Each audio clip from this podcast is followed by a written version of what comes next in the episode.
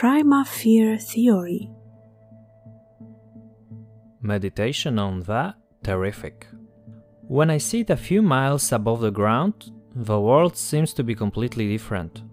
All those problems that I face down there big problems, hard problems, the ones that are unbearable now they don't matter. I can gain a totally different viewpoint there. Little houses, little streets where tiny cars move looking like Hot Wheels. Piece of land that I can see through the small airplane window looks like a toy, like something unreal. At that moment, I realized how insignificant and mere I really am. I acknowledge that I'm just a part of something greater, of some huge ecosystem. I'm sitting in the airplane which has just reached the cruising speed and when I ponder over all of this, I ask myself a question Who am I in this whole infinite universe? I observe the passengers sitting around me, they are all into their businesses. Some put their noses in their smartphones, completely absent, watching something. Others are frightened because of the flight, and their faces are like, Can this plane really touch down safely?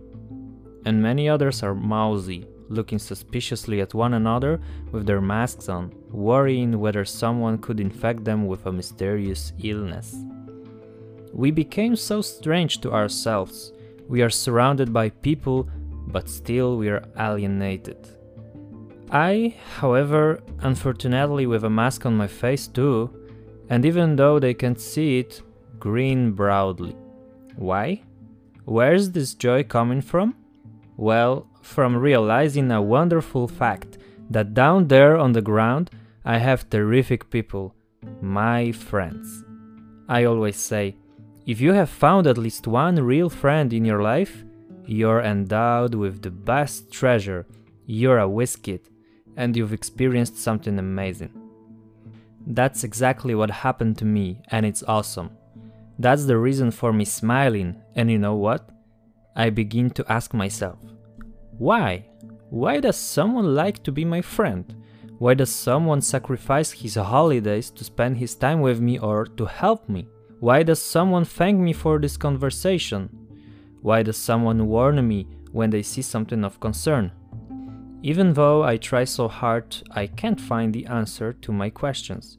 I just don't understand. I simply don't feel that I deserve all of this, that I was good enough, concerned enough, helpful enough, grateful enough and that I was there when needed.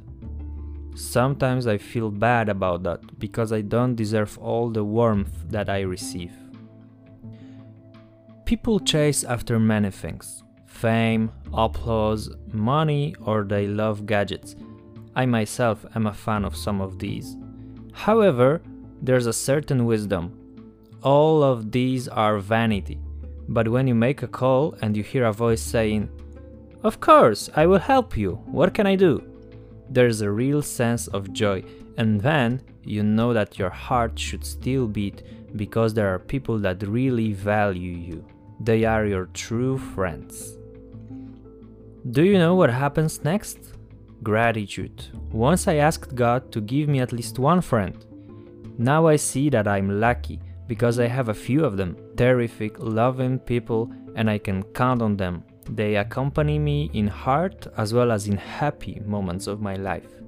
They are the reason to thank God for giving me more than I ever asked, and He always gives more. Thank you, my friends, for being with me. Though I often don't know why, thank you for your support and the love you've shown. I hope that I will be able to be a terrific person for you all as you are for me. Though I don't mention anyone by name, I'm still sure that these people would know, and if you know, please remember that I love you so much. The fasten your seatbelt warning light has flashed on, meaning that we are going to touch down. Once more, I look at the frightened and stressed passengers around me. I take a deep breath, still smiling and sitting calmly. I can't wait to see my dear friend who's really close to my heart. Find out more on pdolsky.com.